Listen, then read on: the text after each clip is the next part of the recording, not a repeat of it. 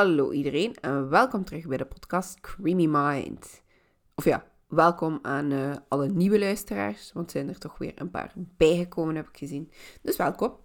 Um, ik wil even beginnen met iets minder leuk nieuws. Um, nieuws dat ik zelf vandaag nog maar gehad heb. Uh, op 22 maart moet ik opnieuw geopereerd worden aan mijn schouder. Voor degenen die nog niet mee zijn in het verhaal.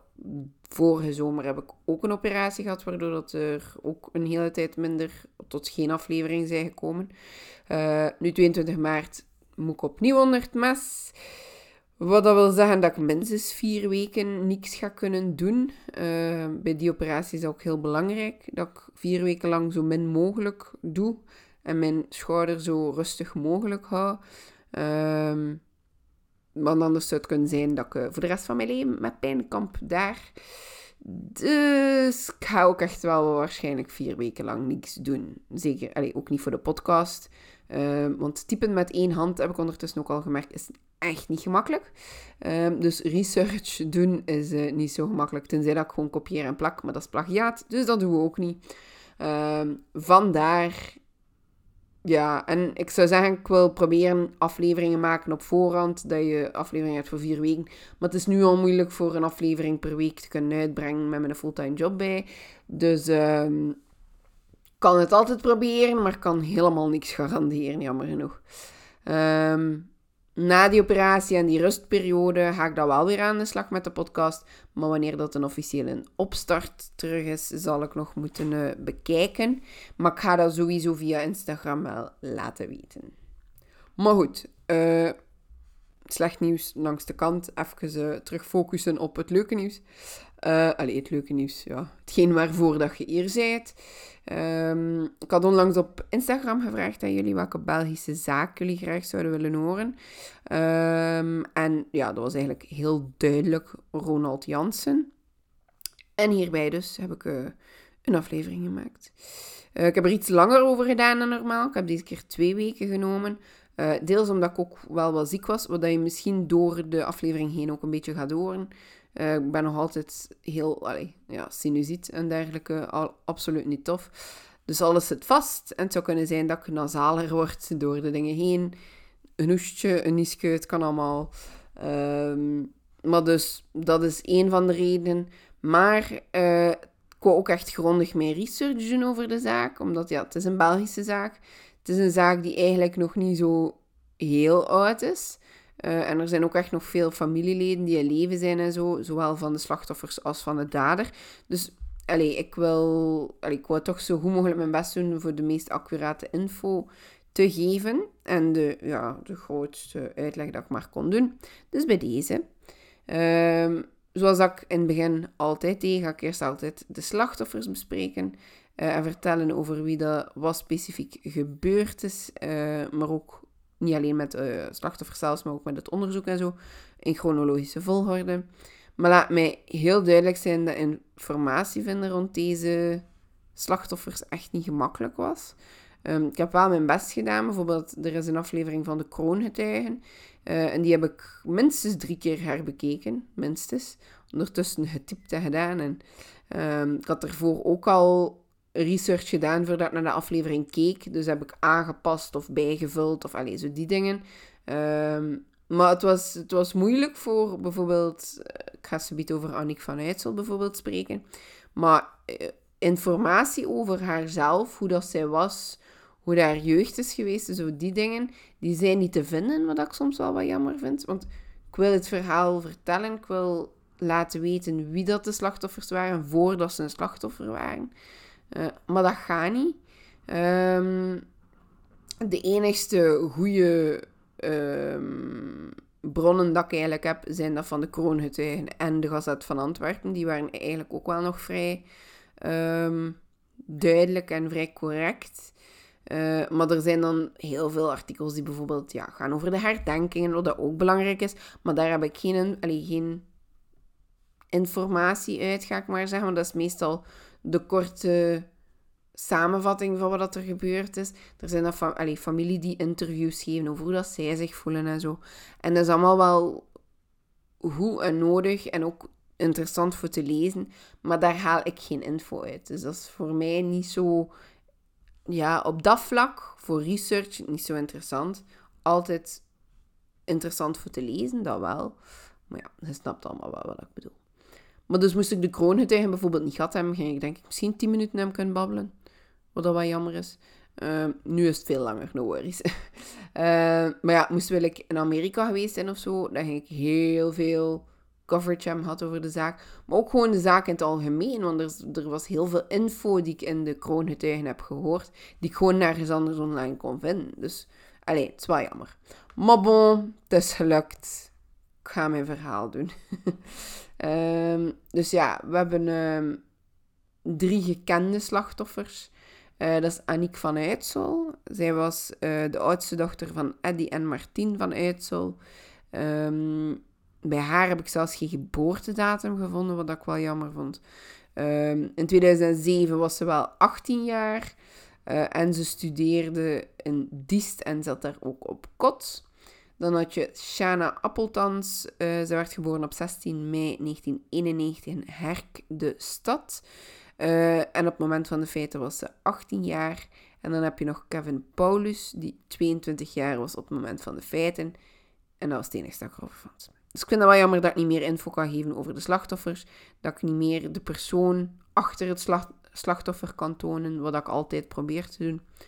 Ik heb moeten doen met wat ik vond, jammer genoeg. Um, volgens uh, heel veel psychiaters en dergelijke en ook um, de advocaat Jeff Vermassen, die we allemaal wel goed kennen, uh, moeten er nog een aantal andere slachtoffers geweest zijn, dodelijke slachtoffers dan, waar dat wij niet van weten. Uh, er zijn ook onbekende slachtoffers die wel naar voren zijn gekomen, maar die voor ons onbekend zijn, um, die in het anonieme wouden blijven. Dus er zijn nog wel heel wat slachtoffers. Nu, de gebeurtenissen. Trouwens, als je op de achtergrond heel veel wind hoort, het is aan het stormen buiten. En kan niet meer geïsoleerd zitten dan dat ik momenteel zit. Dus we gaan het ermee doen. Nu, uh, we beginnen eigenlijk bij Aniek van Uitsel. Uh, Aniek is 18 jaar wanneer dat ze op 27 april 2007 naar een KLJ-5 gaat in Schaffen. Uh, ze is daar met de fiets naartoe gegaan en ze moet dan ook op die manier terug naar huis. Ze wordt door haar mama eigenlijk rond 4 uur die nacht terug verwacht. Maar wanneer dat ze daar niet op dat tijdstip staat, wordt haar mama, Martien van uh, heel bezorgd. Ze is expres opgestaan die ochtend om 4 uur om zeker te zijn dat haar dochter toch veilig thuis was. Um, maar wanneer dat ze niet thuis komt, beginnen alarmbellen te rinkelen. Natuurlijk ook de vader, Eddie van Uitsel, maakt zich heel zorgen. En zeker als hij zijn vrouw zo ziet ijsberen.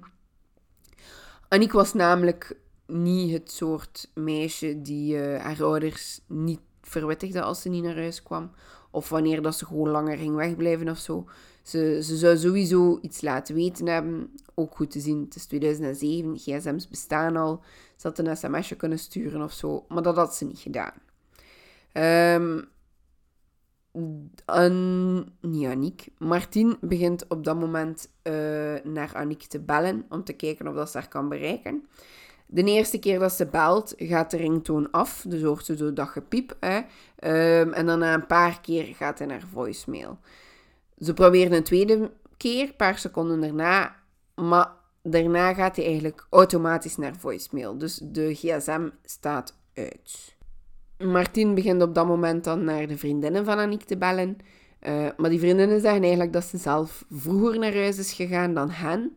Um, en de moment dat ze dat hoort, ja, dan weet ze dat er iets is misgegaan. En ze springt naar een auto. En uh, ja, ze begint de wegen af te gaan dat ze had kunnen nemen.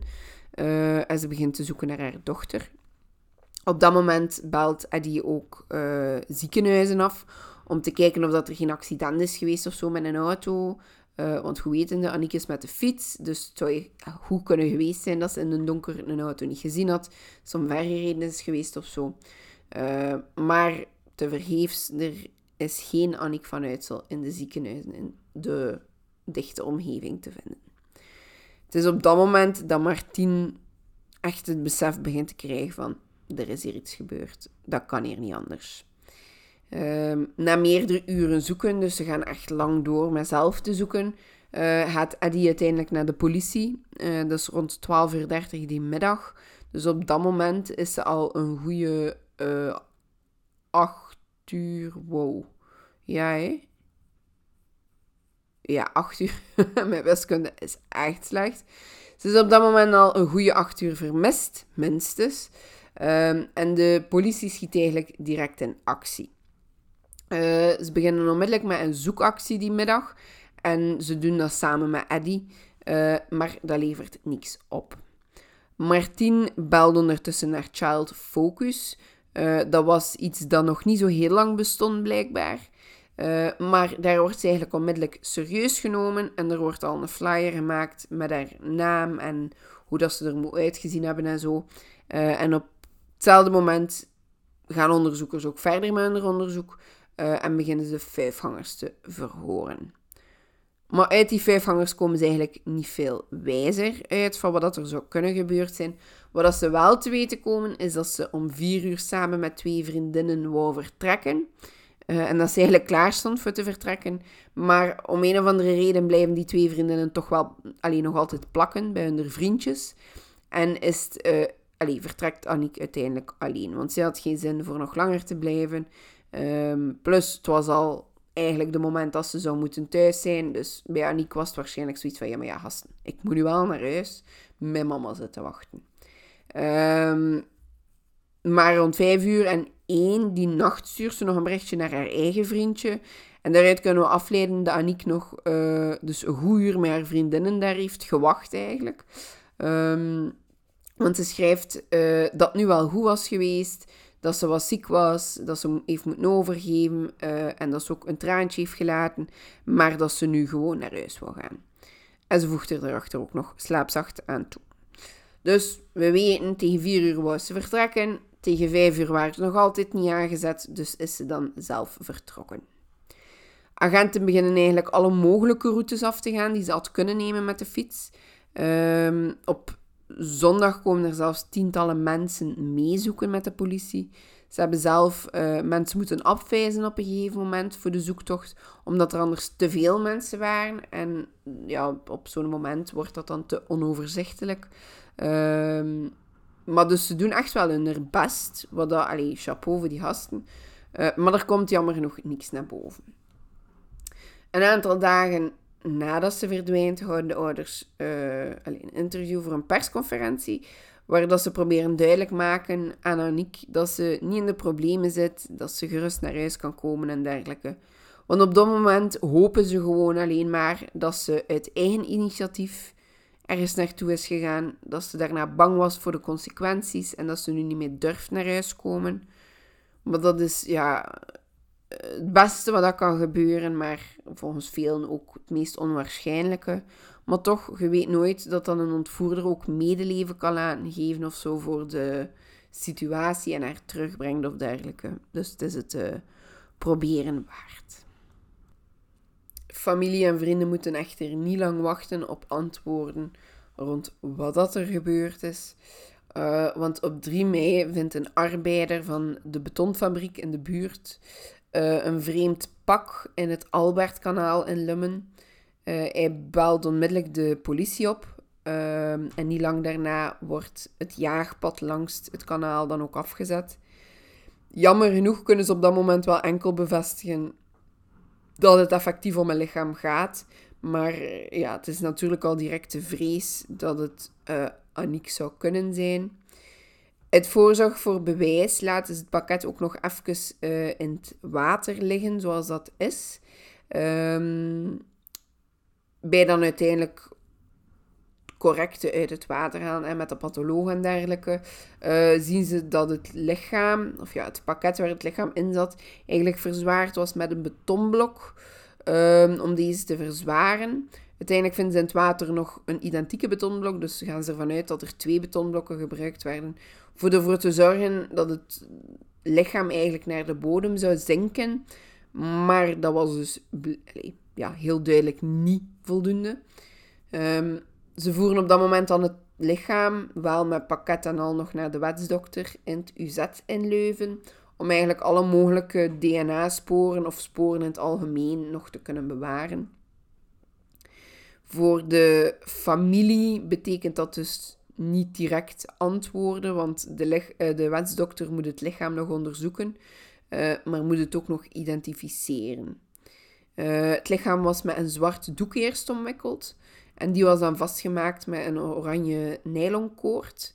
Dat zijn zo van die dikke oranje koorden die je in de winkel kunt gaan halen voor zo van die, ja, je weet wat ik bedoel. ik kan het niet echt uitleggen, maar Dikke oranje nylonkoorden dus.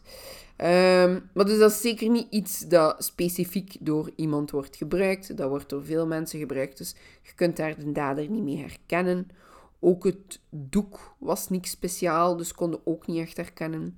Dat doek erbij was nog een keer niet groot genoeg voor het lichaam zelf, ehm, waardoor dat het hoofd en de voeten dan nog een keer bedekt werd met vuilzakken. In eerste instantie dacht ze, oeh, vuilzakken, yes, het gaat daar misschien iets van uh, gemeente op staan of zo. Eigenlijk dat je nu op, op de vuilzakken dat we nu hebben, staan er meestal wel op. Allee, de vuilzakken waar dat ons afval insmijten, toch? Um, staat er wel een gemeente in of zo. Maar dat was ook niet het geval. Dus met de vuilzakken konden ze ook niet direct zichtbaar verder. Um, uiteindelijk was er ook nog een groot blauw zeil over het lichaam gewikkeld. Um, jammer genoeg was dat ook weer zo, dat zo'n groot blauw zeil met zo gaten in de hoeken, zodat je dat kunt vastmaken op like, remorken en zo van die toestand. Dus opnieuw iets dat iedereen kan gebruiken, kan hebben. Niks speciaal, niks waar je iets kunt uit afleiden. Uh, het lichaam had ook enkele dagen in het water gelegen. Dus door de combinatie van ontbinding en uh, het lichaam die dan het water absorbeert, was het lichaam ook niet herkenbaar. Um, het enige wat de wetsdokter um, op af kon gaan voor identificatie waren littekens en oude breuken die het lichaam had. En het was voornamelijk door die oude breuken die identiek waren en die van Aniek, dat ze het uitzuigsel konden geven van dit is effectief het lichaam van Aniek van Uitsel. Het zorgt natuurlijk wel voor een grote schokgolf door Diest, uh, want dat is iets dat, ja, het is nog niet zo heel ver van de zaak Dutroux. Het is een goede drie jaar geleden. Iedereen dacht, Dutroux is opgepakt, we gaan dat hier niet meer meemaken. Dat is ja, een, een, een rarigheidje in de hoop. Um, maar blijkt dus ook van niet. Dus ouders durven hun kinderen ook echt niet meer alleen op stap laten gaan. Zeker niet als het donker wordt buiten. Um, vanaf dan komen de kinderen dan ook, als ze te voet komen, niet meer alleen. Uh, meestal worden ze ook opgehaald door de ouders. Als ze met de fiets zijn, moeten ze in groepjes fietsen en zo, zodat ze nooit alleen over straat komen. Nu, de autopsie wordt gedaan en daaruit uh, wordt de doodsoorzaak uh, vastgesteld.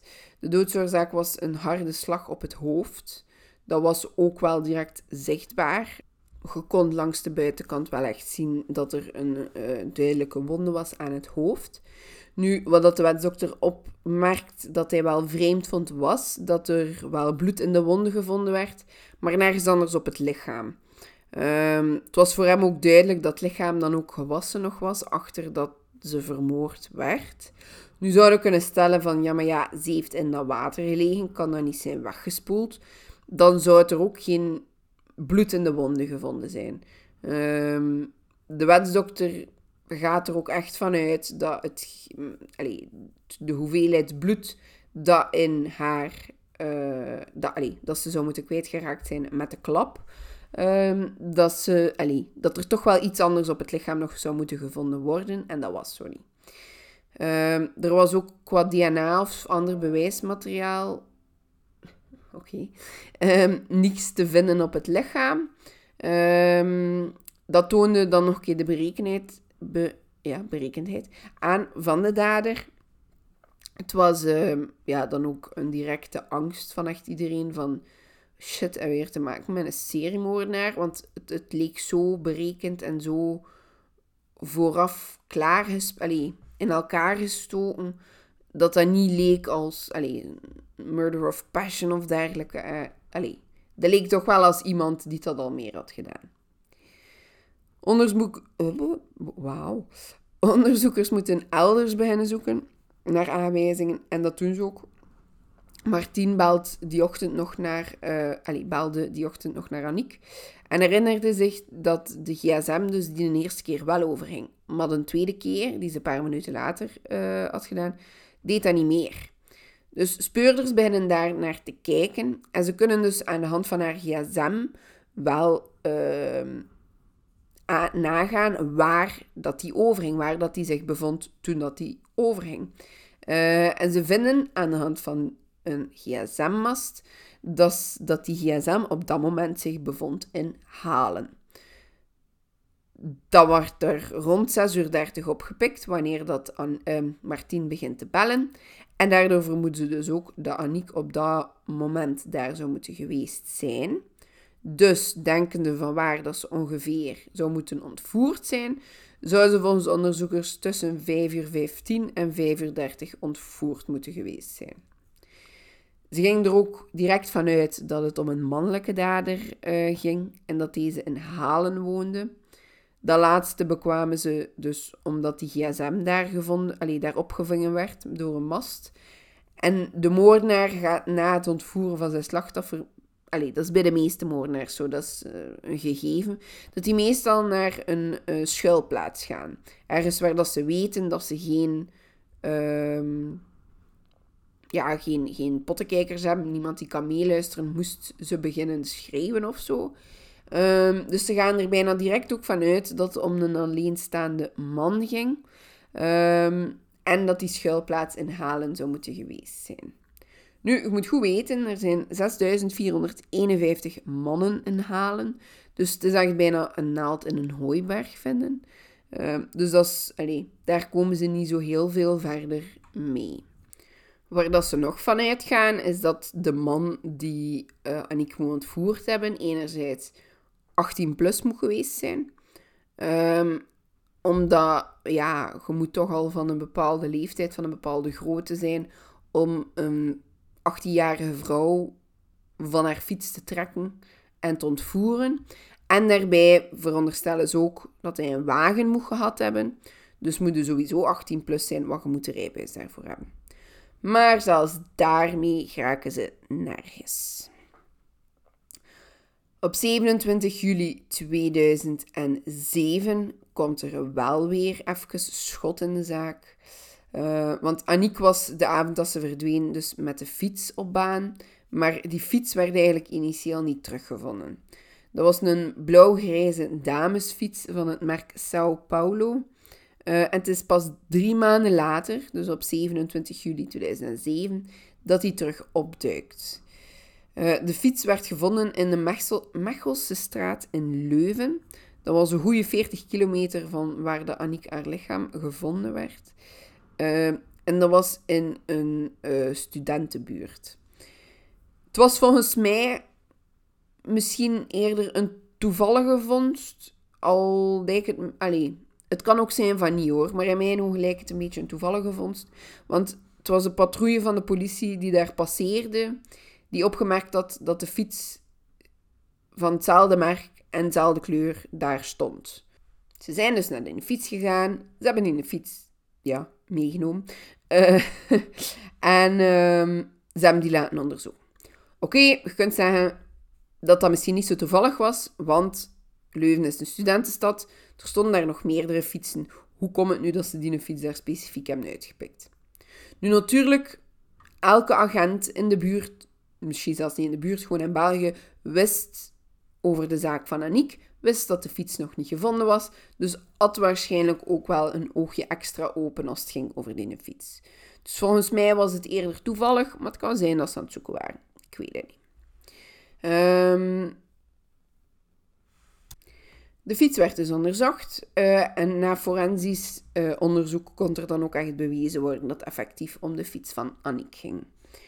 Er wordt tijdens dat onderzoek op de fiets wel DNA-materiaal gevonden, maar natuurlijk, zonder dat je iemand hebt voor ermee te vergelijken, zeg je er jammer nog niks mee.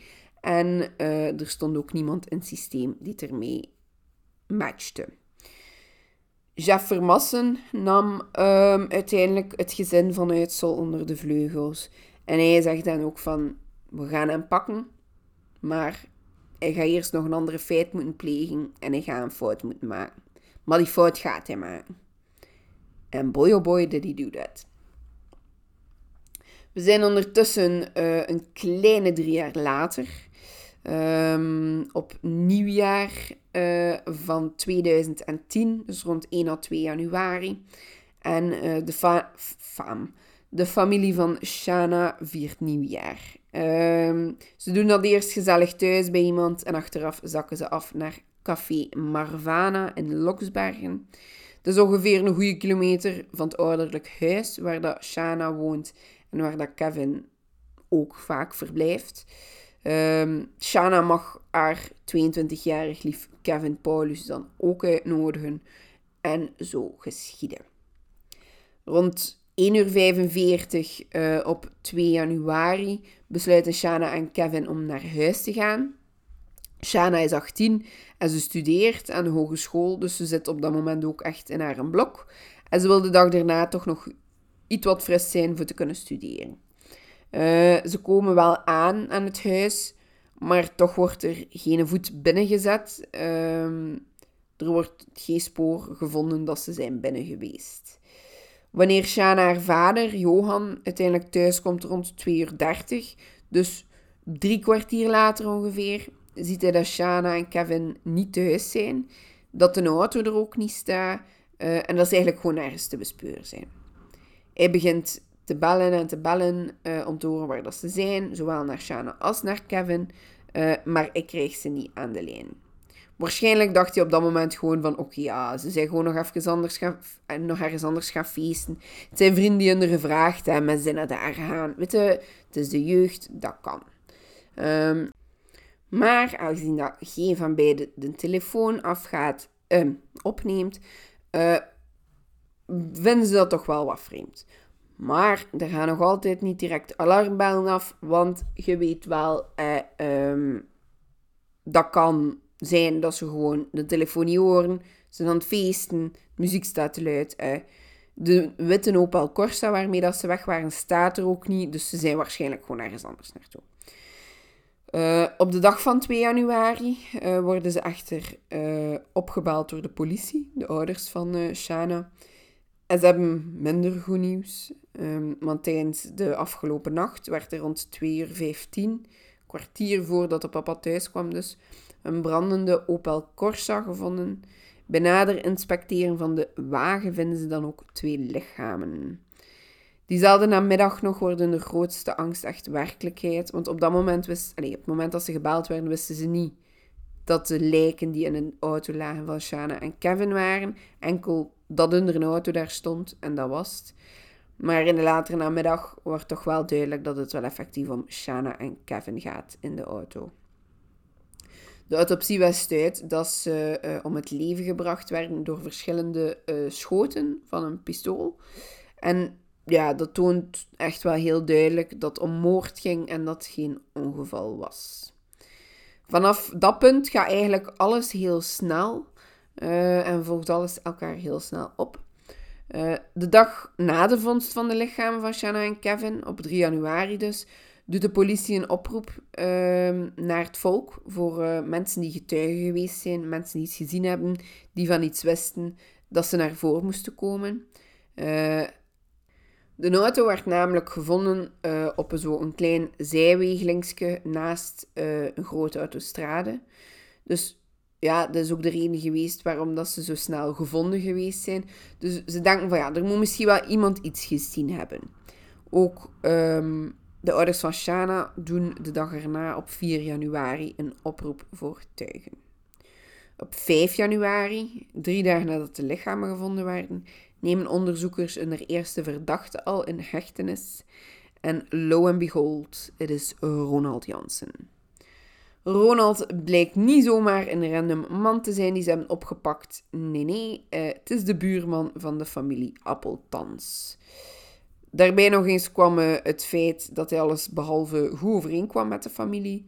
Uh, en dat er eigenlijk een burenruzie was die al enige tijd aan de gang was. Een goede start van de onderzoekers zou je dan denken. Hè? Uh, dus ze verzegelen het huis eigenlijk. En diezelfde dag wordt hij nog door de onderzoeksrechter officieel aangehouden.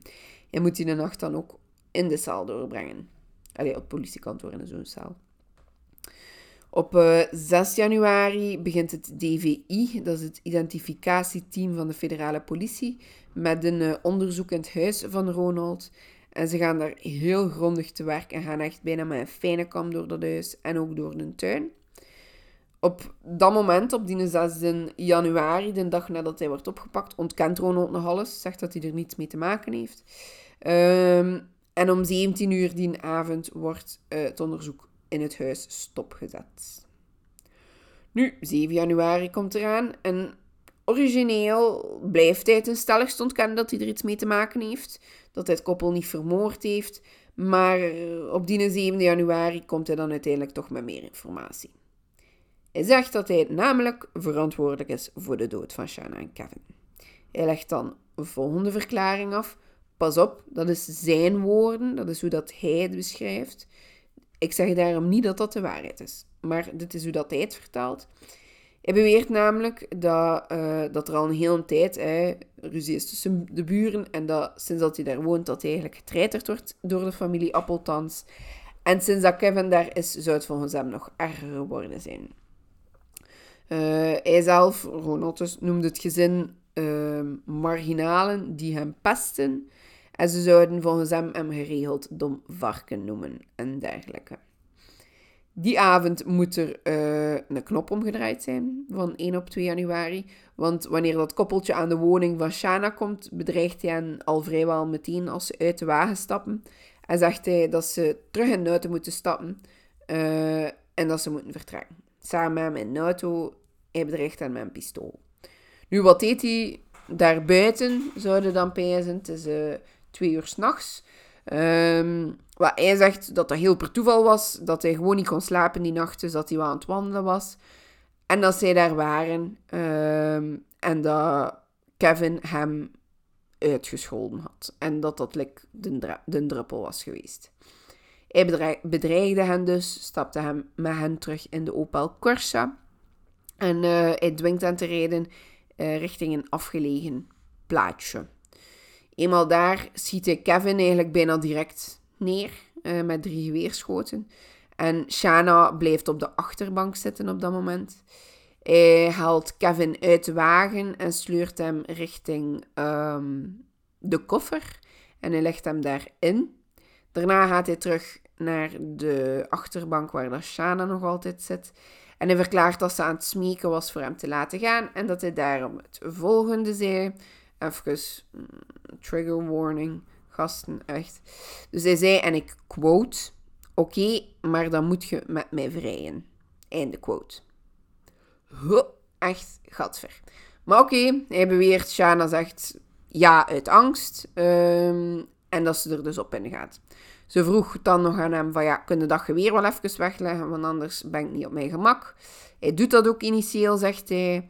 Maar wanneer dat Shana haar, dan omdraait, omdat hij zei van ja, ik was ook niet op mijn gemak, maar zij die naar mij keek, um, neemt hij eigenlijk zijn pistool terug vast en schiet hij haar direct neer in de nek. Hij schiet haar ook nog een keer in de borst en opnieuw in de schaamstreek. Op dat moment zegt hij van, ik heb haar niet verkracht op dat moment. Ik heb er geen seks mee gehad. Niks. Volgens hem zag ze het ook helemaal niet aankomen, wat ik ook echt een laffe streek vond van hem. Maar, allee, dat, daar, zijn dat gaan we horen, dat zijn we gewend van hem. Mijn interpretatie van de feiten hier is een klein beetje anders dan hoe dat hij het zelf vertelt. Namelijk, ik denk dat hij haar aan het proberen verkrachten was, dat ze te veel tegenstribbelde en dat hij haar uit frustratie dan heeft neergeschoten. Maar bon, uh, hoe dan ook, hoe dat dan ook is gelopen, uh, nadat hij het koppeltje heeft vermoord en Shana gewoon op de achterbank heeft laten liggen, neemt hij het stuur over en rijdt hij terug een beetje verder. Hij rijdt, zoals ik daarnet zei, naar dat landwegeltje, wegelingetje naast de autostrade. En daar zet hij de auto in brand. Maar dus, ja, dat is de reden waarom dat zo, allez, dat ze zo snel de wagen hebben gevonden en zo snel op hem zijn uitgekomen. Iedereen rond, allez, die op de autostrade reed, zag die een auto. Het is nieuwjaarsnacht. Er zijn heel veel mensen die over en weer aan het rijden zijn naar huis of dergelijke. Dus, allez, het zijn veel mensen niet dat zien. Dus de hulpdiensten konden al snel het wrak lokaliseren. Nu goed, hij bekend, uh, maar dat is lang niet het enigste wat dat hij bekend. Op uh, eh, 10 januari, de dag, allez, een paar dagen na heel deze uit de doeken doening toestanden, um, voelt het eigenlijk wel wat warm worden onder zijn voeten. Zijn DNA en dergelijke worden afgenomen voor uh, te, te matchen met eventueel DNA dat ze gevonden hebben. En waarschijnlijk dacht hij op dat moment wel van ja, mijn lucky days zijn over. Ik zou het maar beter allemaal bekennen, je weet nooit. Dus hij begint met bekennen van verschillende verkrachtingen. Ehm, al noemt hij het zelf wel niet zo. Um, wanneer dat hij erover vertelt, zegt hij namelijk dat hij gewoon op zoek was naar genegenheid en naar affectie. Hij wou de vrouw gewoon leren kennen en eigenlijk opnieuw een relatie met iemand starten. Alleen spraken zijn daden wel degelijk luider dan zijn woorden. En was het vrij duidelijk datgene dat hij deed met die vrouwen, dat, uh, dat niet met wederzijdse toestemming was. Hij begint te vertellen en plots bekent hij ook iets frappants. Zegt hij, quote, ah ja, net zoals dat meisje van Schaffen. Einde quote. Op dat moment kijken de onderzoekers even naar elkaar. Bedenken ze zich, wacht, meisje van Schaffen. En een van de onderzoekers vraagt dan of dat hij het op Aniek van Uitsel heeft. En hij zegt ja, ja, Aniek van Uitsel. En dan komt het verhaal eigenlijk van Aniek van Uitsel plots boven. Ehm, hij zegt dat die avond ook weer op pad was geweest, naar, uh, op zoek zijnde naar zijn affectie, samen, allez, in zijn busje. Wat we straks leren is dat hij leerkracht is en uh, op die school had hij gehoord dat er een vijf gaande was in Schaffen. Dus ja, welke betere plek is er voor affectie te gaan zoeken dan ergens waar dat er allemaal tieners en hogeschoolstudenten rondlopen, niet waar?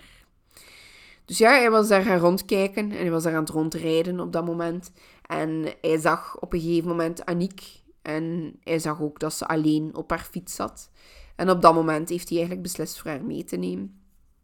Hij snijdt daar eh, de pas af met een auto, gooit daar eigenlijk in de berm beknevel daar direct met bruine ducttape, bindt daar arm, alleen haar handen vast aan elkaar en zo. En hij dwingt daar met een mes uh, in zijn busje. Hij neemt haar mee naar zijn woning en hij legt haar daar gewoon op bed. Um, in de ene artikel zie ik dat hij, dat hij haar verkracht heeft. Op andere is dat niet zo duidelijk. Volgens mij, naar wat Jeffer Massen heeft verteld, heeft hij haar wel verkracht. Maar ik ben dus niet 100% zeker, maar ik denk van wel. Um, hij zegt wel dat hij haar niet wou verkrachten, maar dat hij gewoon ja, affectie zocht. De frustratie. Um, Aniek bleef volgens mij nog een goede 12 à 24 uur bij hem. Gewoon daar in dat bed liggende. Hij die zijn affectie zocht. Um, en op een gegeven moment begon hij haar ook wijs te maken dat ze naar huis zou kunnen. Uh, maar eerst hij haar moeten wassen, want alle sporen moeten van haar verdwijnen, zodat er niets naar hem zou leiden. Dus neemt hij haar geblinddoek mee naar de badkamer. Uh, hij legt haar daar in, ik denk, de douchekuip. Um, en wanneer dat ze neerlegt, haalt hij een hamer boven. En uh, zonder dat ze het door had, begint hij haar te slaan op het hoofd. Totdat ze eigenlijk, ja, dood is. Hierna deed hij uh, wat hij wel aan Aniek had gezegd dat hij ging doen. Hij was het lichaam namelijk, zoals dat de wetsdokter had gezegd, um, om zoveel mogelijk sporen van hem te doen verdwijnen. Uh, hij wikkelt haar lichaam dan in die doeken en in dat zeil. En hij neemt het mee en hij dumpt het in het Albertkanaal. Um, voordat hij het dumpt, houdt hij het blijkbaar wel nog eventjes bij hem. Maar niet zo heel lang. Maar dus hij heeft wel een periode gehad dat ze levend bij hem was en een periode gehad dat, dat ze al gestorven was. Ehm, en dat ze nog bij hem was. Niet alleen is hij dus een moordenaar en dan nog wel een seriemoordenaar, maar hij is dan ook nog een keer een serieverkrachter. Topfan, hè? Allee, beter kunnen ze niet hebben. Tijdens het verhoor proberen onderzoekers hem duidelijk te maken dat zijn uh, idee van affectie zoeken toch wel enorm hard trekt op uh, mensen verkrachten. En op dat moment moet er iets geklapt zijn in zijn hoofd. Uh, en hij begint ook echt enorm kwaad te worden. Excuseer. um, het is eigenlijk tijdens heel het verhoor van die laatste dagen de eerste keer dat er echt een emotie naar boven komt. Buiten zo dat, ja, dat geniepige... Als de manier waarop zijn verklaring nagespeeld is nauwkeurig is aan de waarheid, dan legt zijn diagnose echt ook uit waarom dat hij zonder veel vroeging of zo, of zonder schuldbesef, zijn verklaring afgelegd heeft. Um, je kunt de aflevering van uh, Ronald Jansen uh, van de Kroongetuigen heel gemakkelijk vinden online. Het is via zo'n, ja, misschien een beetje een niet zo kosher website, maar je kan hem volledig bekijken. En ze spelen daarin echt na hoe dat die ver, verhoor moet geweest zijn. Um, en hij vertelt, die acteur dat wel vertelt op zo'n nonchalante manier. Alsof dat, dat allemaal niks is. Alsof dat je aan het vertellen bent dat je net met je hond naar het park bent geweest. Zo, zoiets. Um, maar dat is dus iets typisch psychopaten. Um, dus, allee, moest dat echt zo geweest zijn, dat toonde dat alleen al. Allee, gewoon de manier waarop dat het vertelde, toonde al hoe psychopathisch dat hij eigenlijk is. Um, ga straks samen in... Allee, ze biedt nu in zijn biografie, zal ik maar zeggen, ook af en toe wat meer uitleg geven rond de term psychopaat en waar dat je het kunt herkennen in zijn leven. Nu, ja, ik heb het nu wel verteld over de slachtoffers en dat ze de dader gevonden hebben, maar wie is Ronald Jansen eigenlijk? Um, om ermee te beginnen, Ronald Jansen stond eigenlijk bekend bij de meeste vrienden als een vriendelijke en rustig persoon, maar toch viel zijn masker blijkbaar geregeld een keer af. Hij wordt uh, geboren op 6 februari 1971 in Kotem, Maasmechelen hij is de tweede jongste van vier kinderen. Hij heeft nog uh, twee oudere zussen, Heidi en Christel. En hij heeft dan ook nog een jongere broer, Ludo. Zijn ouders zijn Hilda en Edouard. Uh, Hilda is een huisvrouw en Edouard werkt in de mijn van IJsden. Het lijkt dus een normaal arbeidersgezin, maar zo normaal zijn ze niet. Uh, want papa Edouard toont heel veel trekken die zoon Ronald later ook zal krijgen. Hij is niet vies van een vrouw een klap te geven en ook de kinderen moeten eraan geloven. Dus hij terroriseert eigenlijk zijn hele gezin. Vaak meer wel dan niet is er ook gewoon geen enkele reden voor die uitbarstingen, voor het slaan, voor de roep, allez, het roepen en zo. Um, wat dat hem enorm onvoorspelbaar maakte um, en alles echt buiten proporties bracht. Hoewel Ronald zijn thuissituatie ook echt alles behalve oké is, um, wat ik even tussendoor wil zeggen, heb medelijden voor de kleine jongen, niet voor de man of oudere jongen die hij wordt. Um, dus het lijkt bij hem al bij al wel goed op school te gaan. Um, hij raakt makkelijk door zijn leerstof heen, moet er zelf niet te veel voor doen. hij gaat in het middelbaar naar het college in Maasmechelen. Uh, op een gegeven moment beginnen jongeren hem wel wat te pesten, uh, omdat hij praat met een lispel. Voor hem lijkt duidelijk toch geen enkel probleem. Uh, maar hij gaat er wel iets aan doen. Um, dus dat pesten moet wel stoppen. Um, en nee, dan bedoel ik niet het stoppen van de lispel. Nee, nee. Of naar de leerkracht gaan en zeggen van ze pesten mij, doet er keer iets aan. Nee, nee, zo, zo werkt Ronald niet. Um, Ronald doet wat hij thuis geleerd heeft. Respect dwing je af met geweld. Op een gegeven moment neemt hij dan ook een honkbalknuppel mee naar school in zijn boekentas. Toont ook nog maar een keer hoe groot dat die boekentassen toen al waren. En stapt naar zijn pesters. Uh, En ja, hij pakt de knuppel uit en begint ze gewoon één per één te mappen. Uh, totdat ze een lesje geleerd hadden. Nu, ik ben geen voorstander voor geweld. Uh, zeker geen geweld tegen geweld, want dat, dat helpt toch niet. Um, maar ja, eerlijk, pest anderen niet. doe anderen geen zeer. Punt. Allee, geen van beide was hier juist. Laten we het zo houden. Hoe dan ook, um, de daad gaat gelukkig ook wel niet uh, ongestraft voorbij. Um, hij wordt van school gestuurd en hij stapt dan over naar het ateneum in IJsden. Maar verder gebeurt er eigenlijk niet echt iets spectaculair. Um, dus hij mapt een paar jongens omdat ze hem pesten, maar voor de rest gaat hij vlotjes door zijn middelbare schooljaren heen. Zijn schoolvrienden van toen zeiden dat hij eigenlijk gewoon een rustige jongen was, die gewoon soms graag een keer stoer deed. Maar ja, welke jongen van die leeftijd doet dat niet graag. Hè? Ook al laten zijn schooljaren dat uitblijken, thuis gaat het er eigenlijk niet beter op. Um, zijn vader, Edouard, wordt zo hevig op een gegeven moment dat um, de mama uh, uiteindelijk hem verlaat. Daarop gaat Edouard bij zijn vader gaan wonen, die op dat moment al hoogbejaard is. Um, en Edouard denkt, ik ga hier een keer een gestje doen naar Hilda en de kinderen. Uh, je mogen thuis houden, Gunder mocht erin wonen. Maar er is wel één voorwaarde.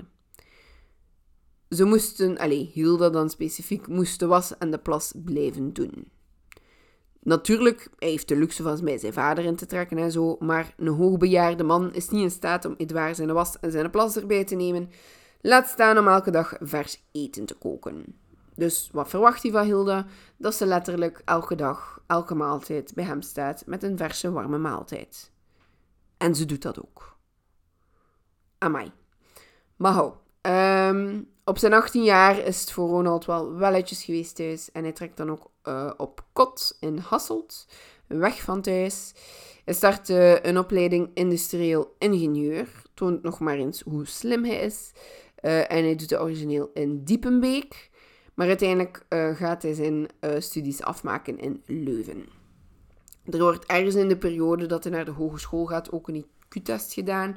En daaruit blijkt dat hij een IQ heeft van maar liefst 132. Heel duidelijk hoogbehaafd dus. Wat dat blijkbaar bij heel veel seriemoordenaars is. Ofwel zijn ze hoogbehaafd, ofwel zijn ze minder behaafd. Het is een van de twee, niks tussenin. Maar oké. Allee, naar wat ik al heb gelezen. Don't shoot me. Hoe dat hij zijn studentenjaren doorbrengt, lijkt hier allee, opnieuw eigenlijk niet zo verschillend met dat van zijn leeftijdsgenoten. Um, hij gaat graag uit, heeft af en toe een lief, doet vrijwilligerswerk in de wereldwinkel. Uh, en op een gegeven moment, echt shocking, gaat hij zelfs gaan helpen uh, in een opvangcentrum, waar dat onder andere ook vrouwen opgevangen worden die um, van een gewelddadige thuis komen. Dus dat strookt helemaal niet met de man die hij later wordt. Of allee, langs de ene kant kun je dan zeggen, misschien wel, ja, dat hij kikte op de verhalen van geweld en zo. Kan. Um, wat dat uh, de podcast met voorbedachte raden zei, kroop ook even onder mijn vel. Um, ze zeiden ook van ja, hij heeft hier zoveel gelijkenissen met Ted Bundy. En dat klopt ook echt. Um, Ted Bundy is um, de seriemoordenaar die op een gegeven moment ook is gaan helpen uh, in, allee, op de zelfmoordlijn. Dus hij, hij moest letterlijk mensen zo, allee, ervoor zorgen dat ze geen zelfmoord pleegden, wat dat wel gek was. En hij doet dat ook. Hij zorgt ervoor dat, dat vrouwen die uit een gewelddadige situatie komen, dat ze er beter voelen. Um, dus allee, dat is toch wel frappant. Trouwens, Ted Bundy moet hier ook echt nog zeker een keer op de podcast komen. Um, maar dat is voor later. uh, nu, Ted was ook wel een psychopaat, dus de gelijkenissen zijn wel allee, interessant ook om te zien. Wat ook een enorm kenmerk is van een psychopaat, is dat ze aan de oppervlakte zeer charmant en wel besproken kunnen zijn. Dat was dan ook de reden uh, waarom Ronald in zijn jonge jaren zo normaal leek. Ook naar, als hij ouder werd, hij, was voor iedereen eigenlijk vrij normaal. Um, hij leek wel enorm op zijn geld te zitten. Eh, en dat kan ook een reden geweest zijn dat hij uh, naar het opvangcentrum ging gaan helpen. Want die kreeg gratis kost en inwoon als ze daar werkte. Dus allee. Toen ook weer het feit dat voor hem niet per se om de bekommernis van de slachtoffers ging. Maar eigenlijk om zijn eigen gat van straat te houden zonder te veel te moeten doen. Kan heel goed zijn. Wat wel heel speciaal is, is dat uh, zijn plan initieel was om na zijn studies als ontwikkelingshelper in Afrika te gaan werken. Is dat nu een idee om anderen te tonen hoe slim en superieur dat je wel niet bent? Of is het echt voor anderen te helpen? Ik weet het echt niet. Maar dat plan wordt wel snel van tafel geveegd uh, wanneer dat hij uh, Nathalie leert kennen. Ze is twee jaar ouder en ze werkt als assistente op de hogeschool waar dat Ronald op dat moment zit. Uh, is daar zijn specialisatiejaar aan toen als irrigatie-ingenieur. Aan het einde van uh, 95 gaan Nathalie en Ronald dan ook samenwonen en dat doen ze in Genk. Uh, hij gaat daar aan het werk initieel in een kartonfabriek. Wat hij daarvan job doet, is mij niet echt gekend. Wat ik wel frappant zou vinden, is dat hij met een diploma zoals dat hij heeft, uh, en met de kennis dat hij heeft, dat hij puur arbeider zou zijn. Nu, het is een even mooie job als een ander, niet van dat. Maar ja, je zou denken met een, een diploma als ingenieur, dat je daar ook wel iets in gaat doen. Nu, zijn interesse lijkt niet te liggen in de kartonfabriek en hij gaat dan even gaan proberen in de drukkerij in hout halen. Maar ook dat lijkt het niet te zijn. Wat blijkt uiteindelijk? Zijn grote ambitie ligt in het lesgeven. In uh, september van 98 begint hij dat dan ook te doen. En hij doet dat eerst in het Technisch Instituut in Mazeik. Um, hij doet dat verbazingwekkend goed. Leerlingen hebben niks dan lof over hem. Uh, en hij wordt uh, gekenmerkt als de toffe leerkracht die weinig taken heeft. Natuurlijk, ja, zo zorgde er natuurlijk voor dat je leerlingen enkel lof over u spreken, maar oké, tot daar. Um, in datzelfde jaar, in 98 dus, krijgen Ronald en Nathalie uh, ook een eerste dochtertje. Ze gaan daarna verhuizen naar Loksbergen in Halen. In 2000 gaat hij dan aan de slag in de Sint School in Herk de Stad als het u bekend voorkomt. Uh, hij gaat dan uh, als leraar technisch tekenen aan de slag, uh, maar ook uh, leerkracht mechanica en bedrijfsorganisatie. Een jaar later, in 2001, bevalt Nathalie opnieuw en het is opnieuw een meisje. Ehm, is dat nu een specifieke gebeurtenis die iets losmaakt bij Jansen of niet? We zijn niet zeker, maar zijn masker begint stilletjes aan meer en meer af te vallen. Want op dat moment begint hij met zijn verkrachtingen in Leuven. Hoeveel meisjes dat Ronald verkracht heeft, is eigenlijk niet zo heel zeker, maar hij kan aan minstens 20 daden gelinkt worden. De meisjes zijn ook nooit naar voren willen komen. Eh, de rechtszaak daar rond is ook achter gesloten deuren gebeurd om hun privacy een beetje te bewaren, wat ik mij wel kan inbeelden.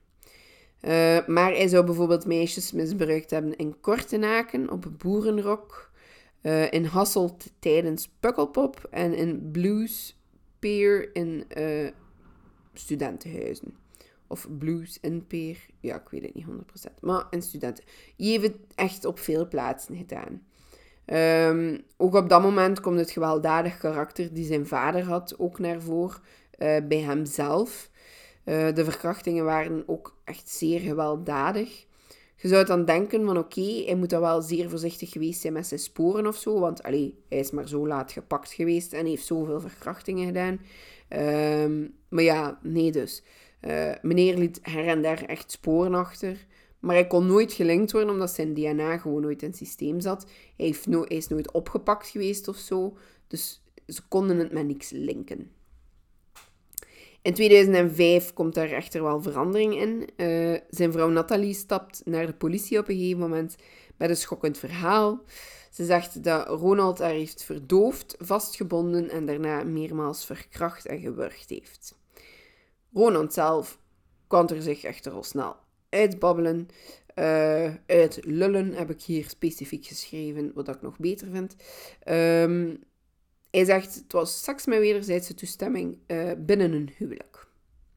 ja, op dat moment, eerst en vooral, jongens, we zijn 2005. Ehm, ook al waren we al ietsje moderner op dat moment. Het feit dat verkrachtingen in een huwelijk mogelijk waren, dat was daar nog altijd niet zo gekend. Plus, het werd echt een he-said, she-said verhaal.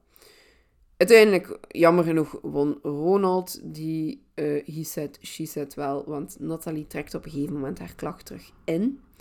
Maar ze vertrekt wel en uh, ze neemt de kinderen mee. Toch besluit ze op een gegeven moment van oké, we gaan het wel co-ouderschap houden. Dus de kinderen is 50-50 bij de een, 50-50 bij de andere. Ik, velen hebben daar commentaar op, maar ik denk dat je het ook gewoon kunt verklaren vanuit het idee dat hij waarschijnlijk nooit een vinger heeft uitgestoken naar zijn dochters. En dat hij misschien wel een goede vader was. En dat zij hun, allee, haar kinderen hun vader niet wou ontnemen. Dus, maar chapeau dat ze dat kan, want dat kan echt niet makkelijk geweest zijn voor haar. Nu, uiteindelijk in 2007, wanneer de Aniek verdwijnt, laat uh, Ronald in zijn klas dan ook uitschijnen dat hij heel bezorgd is om wat er gebeurd is. Het onderwerp is dan ook allee, hevig aanwezig in de klas en wordt besproken. Blijkbaar moet er dan ook een, uh, de dag na haar verdwijning moet hij een barbecue hebben gehouden, wat een beetje heel vreemd was. Maar leerlingen zeggen wel dat hij echt onder de indruk leek van wat er uh, gebeurd was.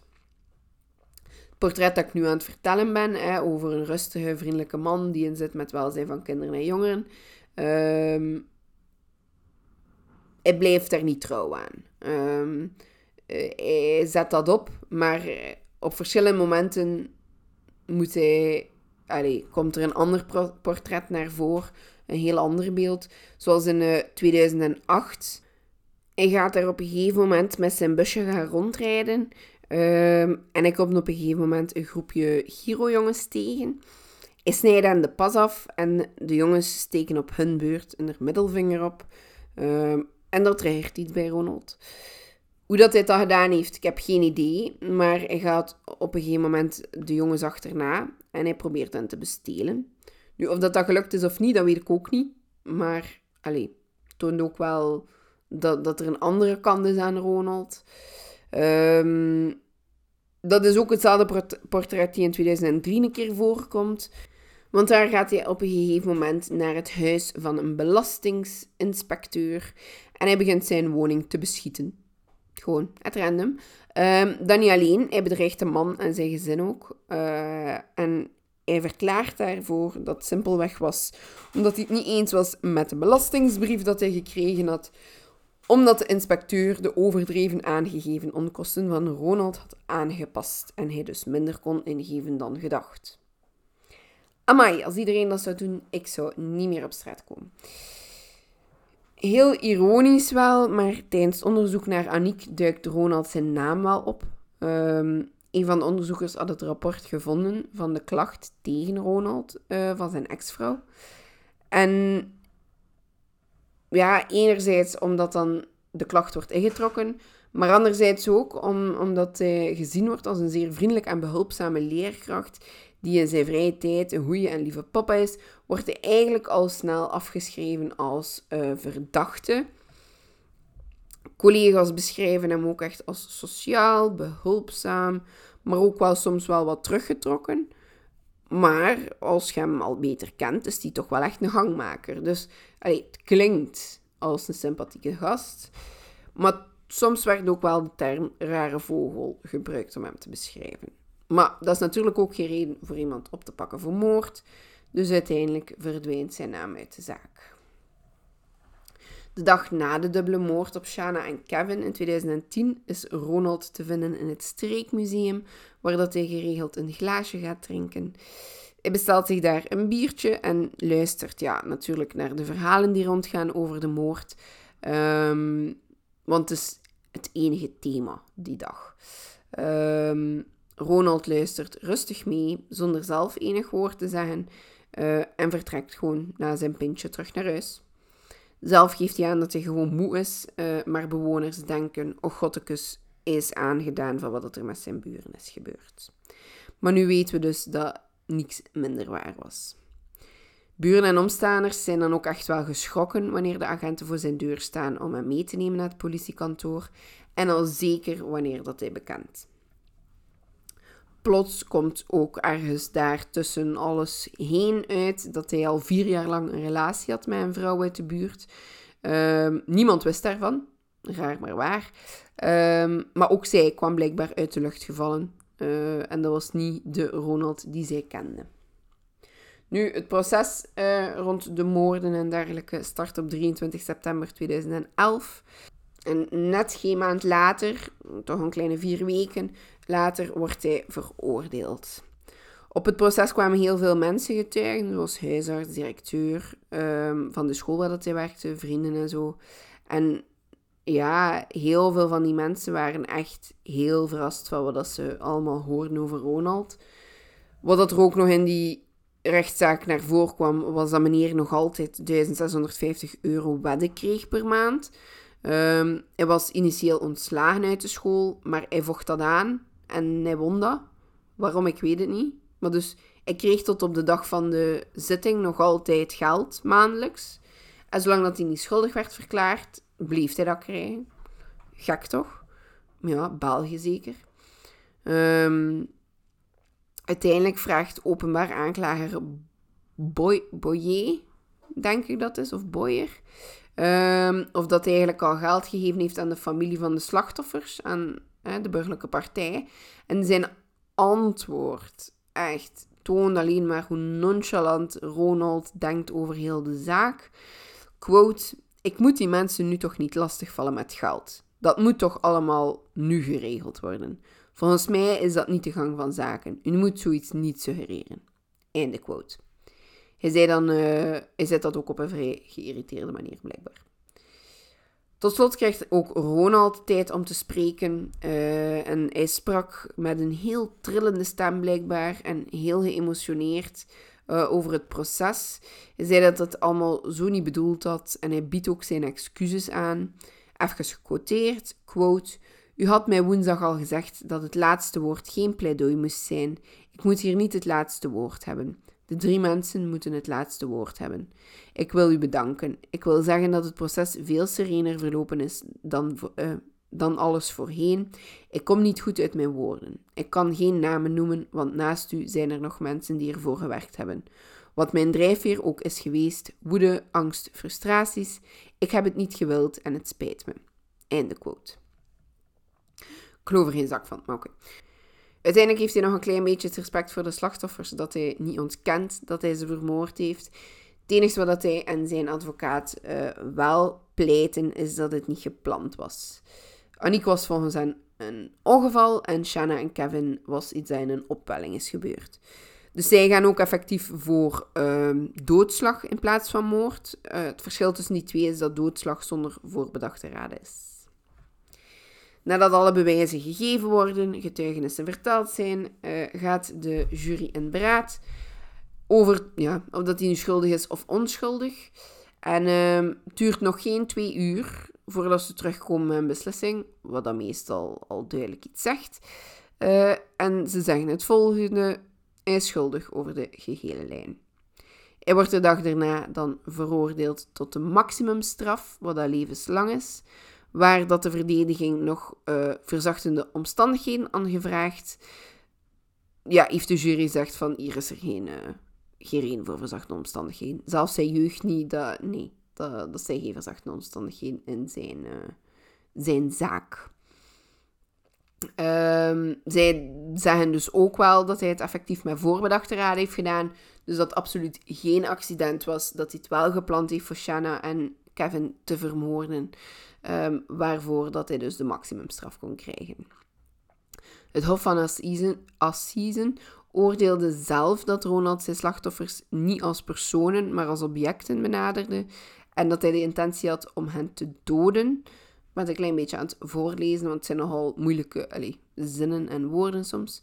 Um, maar dat is dus wat de Assisenvoorzitter Jordens zei, en ik quote... Bij de nabestaanden heeft Jansen een onnoemelijk leed teweeggebracht door de wijze van uitvoering van zijn daden, waarbij het slachtoffer niet als persoon, maar als object benaderde. Ronald Jansen werd omschreven als kernpsychopaat met seksueel afwijkend gedrag, waarbij het gevaar op recidive zeer hoog is. De kans op enig succesvolle behandeling wordt miniem ingeschat. Einde quote.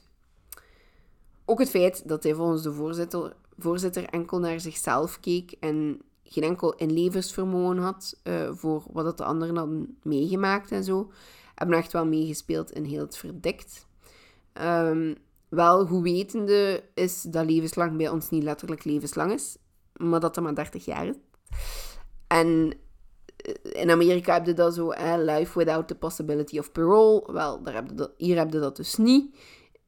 In theorie zou hij na 10 jaar kunnen vrijkomen, maar daarvoor heeft hij wel een positief psychiatrisch verslag nodig. En dan moet de raad van vervroegde vrijlating en zo um, er ook wel over gaan.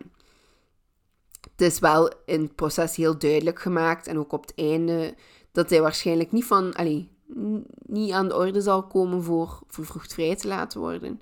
Ehm, en dat onder andere door het vernietigende, vernietigende psychiatrische rapport uh, die de rechtspsychiater opgemaakt had. Naast die levenslange opsluiting uh, en ontzetting uit zijn rechten moet hij dan ook uh, eh, 278.000 euro betalen voor de gerechtelijke kosten. Hij heeft na de beslissing van het Hof van Assisen wel nog 15 dagen om naar het Hof van Cassatie te stappen. Nu, voor de mensen die dat interessant vinden, even een korte uitleg over ehm, het Hof van Assisen en het Hof van Cassatie. Uh, het Hof van Assisen is eigenlijk de op één na hoogste, het op één na hoogste hof dat je kunt hebben. Um, daar komen normaal gezien enkel echt de zwaarste zaken uh, terecht. Tegen een uitspraak van het Hof van uh, Assisen kun je geen beroep aantekenen. Um, je kunt dus ook geen aanspraak doen op het Hof van Beroep. Wat je wel kan doen, is uh, naar het Hof van Cassatie gaan. Dat wil zeggen, uh, ja, het Hof van Cassatie is dus wel het hoogste rechtscollege in België, dus staat nog boven Hof van Assisen. Maar wat wil dat zeggen, naar Hof van Cassatie gaan? Um, je dient daar een, een, een vraag, allee, de vragen voor de zaak eigenlijk te gaan allee, je proces te gaan bekijken. En zij gaan heel het proces gaan uitspitten om te kijken of dat er daar enige procedurefouten zijn gebeurd. Um, dat kan soms echt over ook gewoon kleine dingen gaan, uh, die er dan voor zorgen dat een zaak volledig opnieuw moet gedaan worden, tot meestal onze grote ergernis. Als zij dan effectief um, een procedurefout zien, uh, dan gaan zij de uitspraak van het Hof van Assisen uh, vernietigen en dan moet er een nieuw proces opgestart worden. Uh, het nieuwe proces wordt dan wel telkens gehouden in een ander arrondissement. Dus ik ga het nu heel simpel houden. Stel, je wordt in arrondissement Gent. Ik weet niet of dat ook correct is hoor, maar het is gewoon voor het even te schetsen. Um, wordt in arrondissement Gent uh, veroordeeld voor bijvoorbeeld dat wat hij nu gedaan heeft. Je gaat naar Hof van Cassatie. Hof van Cassatie vindt een fout. Uh, het proces moet opnieuw doorgaan. En dan zeggen ze, ja, maar ja, het moet nu in arrondissement Antwerpen gebeuren. Het is echt maar puur voorbeeld. Heel sec, heel simpel uitgelegd. Maar het is zo'n beetje zo dat uh, in elkaar zit. Um, ze doen dat eigenlijk voor ervoor te zorgen dat er geen soort van dubbele agenda kan ontstaan. Hè, dat de rechter niet zoiets heeft, zoiets heeft van, ha, nu ga ik u wel een keer liggen hebben, nu ga ik u een zwaardere straf geven. Um, er is daar geen sprake van. Um, het is wel zo, als dat wordt, een nieuw proces wordt gedaan, dan wordt er ook een nieuwe uitspraak gedaan en een nieuwe straf. Hè. Dat wil um, niet altijd zeggen dat ze daarom een lichtere straf krijgen. Soms kan het ook echt in hun nadeel spelen uh, en kan het gaan over een, een serieus zwaardere straf. Um, nu ja, in, in uh, Ronald Jansen zijn zaak was er geen zwaardere straf mogelijk, maar hij is ook niet naar het Hof van Cassatie gegaan. Hij heeft zijn, uh, ja, zijn, zijn sentencing, zijn, ja, hetgeen wat hij moest doen, heeft hij aanvaard en hij heeft dat gedaan. Is niet naar het Hof van Cassatie gestapt. Nu, dat gezegd zijnde, terug naar Ronald. Um, Ronald kon eigenlijk uh, toch wel enorm lachen om de uitspraak. Wat als zijn psychopathische trekjes dan ook weer een keer naar voren gooit. Um, Boyen of Boyen, ja, hoe dat je het ook uitspreekt, uh, had uiteindelijk nog iets te zeggen tegen Ronald. En ik quote: ehm, Je hebt geen halve gram berouw en geen gram spijt. Die spijt van u is niet doorleefd. Er zit geen vlees aan die spijt. Je kent decoorden, maar niet de begeleide muziek. Uw verzachtende omstandigheden heb je achtergelaten in het Albertkanaal en opgestookt in een Opel Corsa. Ik zet u op hetzelfde niveau als een Ait Oet, Marc Dutroux en Fourniret. Voor al die mannen van hetzelfde kaliber is er maar één straf voorzien en dat is levenslange opsluiting. Einde quote. Dus het is wel heel duidelijk hoe dat die man over Ronald Jansen denkt. En ik denk dat zijn mening uh, gedeeld is door de rest van België. Um, laten we dan ook even over dat geld praten. Ik had daarnet gezegd dat hij sowieso een uh, geldsom moest betalen. Um, hij had origineel 144.000 euro staan. Niet genoeg dus voor het volledige bedrag te betalen. Maar ja, dat, dat regelen ze dan wel. Um, maar ja, hij heeft er eigenlijk voor gezorgd dat de slachtoffers bijna geen cent meer hadden uh, voor te verdelen. Uh, uiteindelijk ja, schoot er van die 144.000 euro maar 614 euro en 37 centjes over.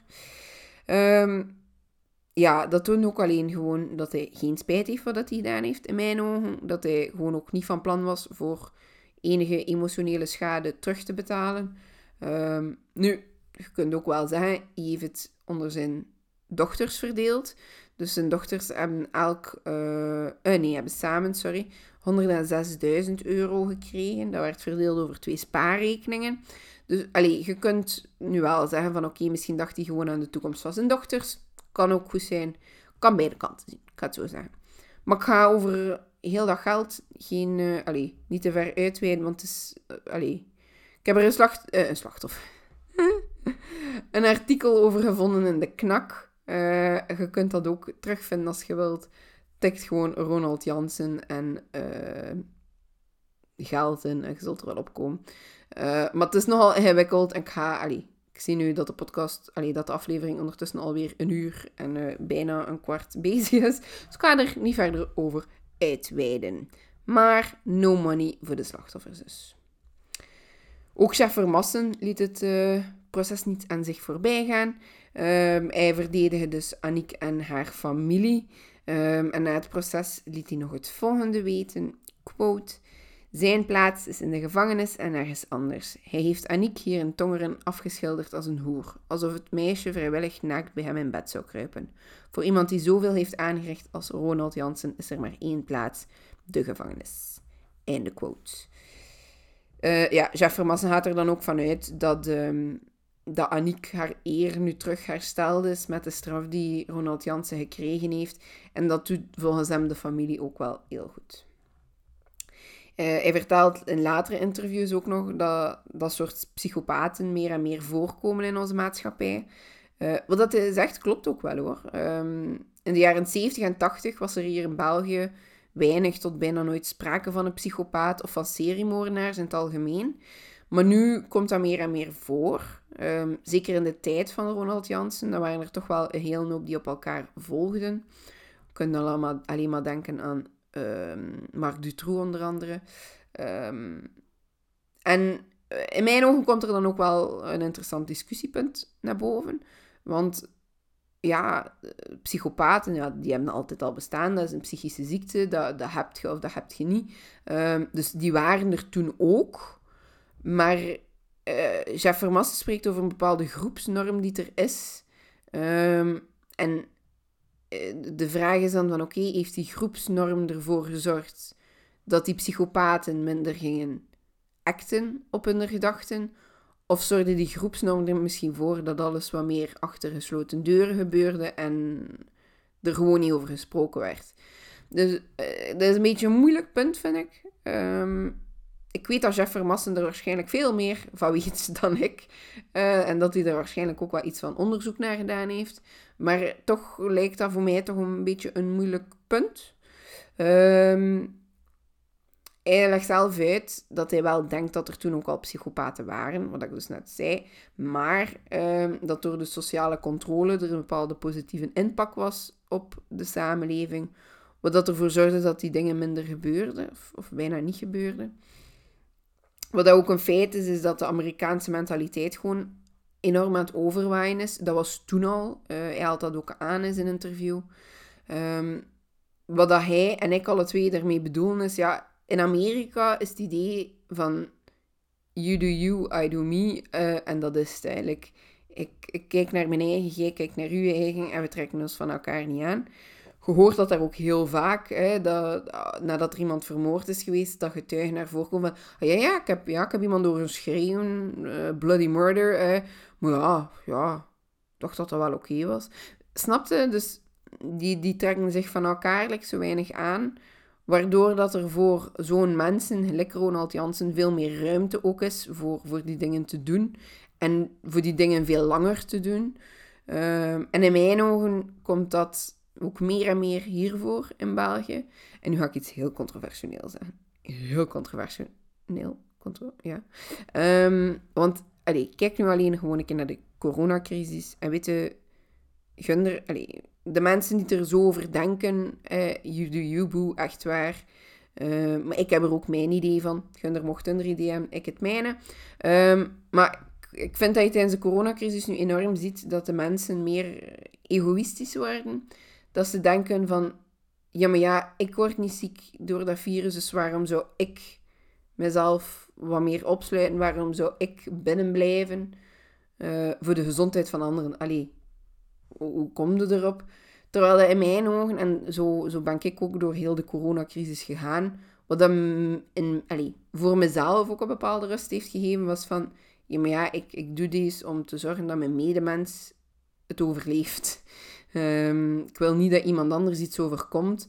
Ik zou het mij niet willen inbeelden dat ik iemand besmet en dat die persoon mogelijk achter, een achtergrond heeft van bepaalde ziektes en dan sterft door corona. Ik weet, niet iedereen denkt hetzelfde en dat is zeker oké en uh, iedereen denkt er het zijne over. Maar dat is wat dat chef Vermassen ook wel echt bedoelt. Dat egoïsme dat bij de mensen komt, geeft gewoon veel meer ruimte voor ja, psychopaten en seriemoordenaars en moordenaars in het algemeen. Uh, omdat ze gewoon denken van, er gaat hem toch niemand aantrekken voor wat ik nu doe, dus ik ga er ongestraft mee kunnen wegkomen. Ik zeg niet dat dat, dat zo is, ik, maar dat, zo gaat dat in de hoofden van psychopaten, volgens mij. Maar bon, controversiële beetje afgesloten. ik hoop dat jullie me nog allemaal volgen en nog allemaal blijven verder luisteren, want ik zie jullie nog altijd even graag. Uh, um, en pas op, ik veralgemeen ook zeker niet. Um, zowel in Amerika als in België heb je nog steeds een groot aantal mensen die wel dat samenhorigheidsgevoel hebben. Um, maar ja, zoals overal heb je altijd wel een groep. Uh, ja, you know. Maar bon, goed. Een jaar na zijn proces voor de moorden op Annick, Shana en Kevin staat hij nogmaals voor de rechtbank. Deze keer staat hij terecht voor een serie aan verkrachtingen. Um, dat, is, dat zijn al de verkrachtingen die hij gedaan heeft voordat hij, ja, voor en nadat hij Annick vermoord heeft. Hierbij betwist hij wel een aantal dingen. Um, hij betwist zelf een goede uh, drie à vier ja, zaken rond de verkrachtingen. Wat uiteindelijk niet raar is, aangezien dat hij enkel... Allee, hij zag het enkel als een soort van affectie zoeken. Dus in zijn ogen heeft hij ook echt niets verkeerd gedaan. Wat dat, ja, wij kunnen dat niet vatten, maar dat is, ja, zo, zo gaat dat om in hun hoofd. Um, en op 5 oktober 2012 wordt hij dan toch schuldig verklaard voor, een uh, voor die tien uh, verkrachtingen. Daar tekent hij uiteindelijk wel beroep tegenaan, want uh, de initiële straf werd uitgesproken tegen, in de correctionele rechtbank. En daarin kunnen wel in beroep gaan. en dat deed hij dan ook. Um, hij werd origineel dus ehm, schuldig verklaard voor 10 verkrachtingen en hij betwiste er een goede 3 à 4 van. Um, en voor een of andere reden is bij hem voornamelijk het feit dat hij geweld zou gebruikt hebben, dat een enorm struikelblok is. Um, dat, dat zit hem niet goed. Hij beweert dat dat in geen geval waar is. Natuurlijk, zoals ik daarnet zei, in zijn ogen zocht hij affectie en ging hij gewoon seks hebben met vrouwen en dat was het ook. Ehm, hetgeen wat dat hij deed was in zijn ogen ook niet verkeerd of niet fout. Hij zocht gewoon affectie. Ehm, dat is ook weer die narcissist die een klein beetje naar boven komt. Hè. Maar hoe dan ook, uh, hij gaat in beroep, maar hij wordt toch ook in beroep schuldig bevonden voor de verkrachtingen. En daarvoor krijgt hij ook nog een aantal jaar, maar ik weet nu niet precies hoeveel. Um, in 2015 kwam Ronald Jansen nogmaals ter sprake bij ons, omdat uh, er beweerd werd dat hij ontsnappingsplannen had. Hij zat op dat moment in de gevangenis van Limburg. En ja, hij had wederom een beetje te veel inspiratie opgedaan bij Ted Bundy. Um, want de gevangenisdirecteur had initieel informatie gekregen van agenten uh, dat hij zou willen ontsnappen uit de gevangenis. En op 24 augustus uh, van 2015 werd er al extra uh, maatregelen in hang gezet. Uh, dus meer bewaking en zo. Hij mocht niet meer deelnemen aan activiteiten die in groep gebeurden of zo. In groepsgebeuren in het algemeen. Hij moest alleen, natuurlijk wel onder supervisie ook, gaan wandelen in de tuin en zo. Um, hij mocht dat niet meer doen met mensen bij hem. En hij kon enkel bezoek krijgen als hij achter glas zat. Dus uh, ja, dat is zoiets wat je typisch in de Amerikaanse films ziet en zo. Maar ik ben ooit een keer in een gevangenis binnen geweest met school, met de hogeschool, toen ik... Uh, ja, ortho deed, ja. Uh, ben ik in Brugge een keer binnen geweest. En normaal gezien is dat echt gewoon ja, een groot lokaal, waar dat er tafeltjes staan, waar dat je met je gezin of met je bezoek gewoon aan kunt zitten. En, allee, dat is, niet zoals dat we het in de films altijd zien. Uh, maar bij hem werd het dus wel zo gedaan uit veiligheid. Uiteindelijk werd hij toch nog getransfereerd uh, vanuit ja, beveiligingsmaatregelen. Uh, en werd hij getransfereerd naar de gevangenis van Beveren en dat was op 8 september. Hij heeft uiteindelijk maar acht, uh, acht weken, ik nu, het is van 8 september, uh, elf weken in de Limburgse gevangenis gezeten. Daarvoor had hij wel ook al vijf jaar doorgebracht in de gevangenis van Hasselt. Maar sinds 2015 zit hij dus in Beveren, wat ondertussen al een goede ja, 6, 7 jaar is bijna. En uh, ja, voilà, dat is het dan. Het uh, gruwelijke verhaal van Aniek van Eytsel, Shana Appeltans en Kevin Paulus. Ik hoop dat jullie het toch interessant vonden. Het is een hele lange aflevering geworden. Ik hoop dat het uh, toch nog altijd duidelijk was en interessant naarmate dat de tijd vorderde. Um, het, is ook een zaak dat ik nog niet zoveel podcast heb gehoord. Nu, zoals ik uh, door mijn verhaal heen heb vernoemd, like bijvoorbeeld um, de podcast met voorbedachte raden. Twee toffe mensen die ook aan het babbelen zijn. Heel toevallig ook uit de buurt waar ik woon. Ik ken een van de podcasters ook, uh, heel toevallig nu wel. Uh, maar super toffe podcast ook. Als je graag naar West-Vlaams luistert. je moet echt luisteren. Um, en zij hebben deze zaak ook gebracht. Ik heb daar ook wat informatie uit gehaald. Samen natuurlijk met de kroongetuigen en mijn artikels dat ik gevonden heb. Maar dus ja, er waren ook wel veel dingen meer ik zelf nog niet wist. Um, ik was ook nog jong toen dat die dingen gebeurd waren. Ik was toen ook nog niet into true crime. Dus uh, er zijn veel dingen mij echt ontgaan. Dus het was voor mij ook wel een keer interessant voor uh, dat nog allemaal een keer op te frissen en te horen. Maar dus, bedankt voor de suggestie. Uh, heb je nog zo van die toffe suggesties? Laat maar komen op Instagram, Creamy Mind Podcast. Of via de e-mail creamymindspodcast.gmail.com. En anders, tot de volgende keer. Ciao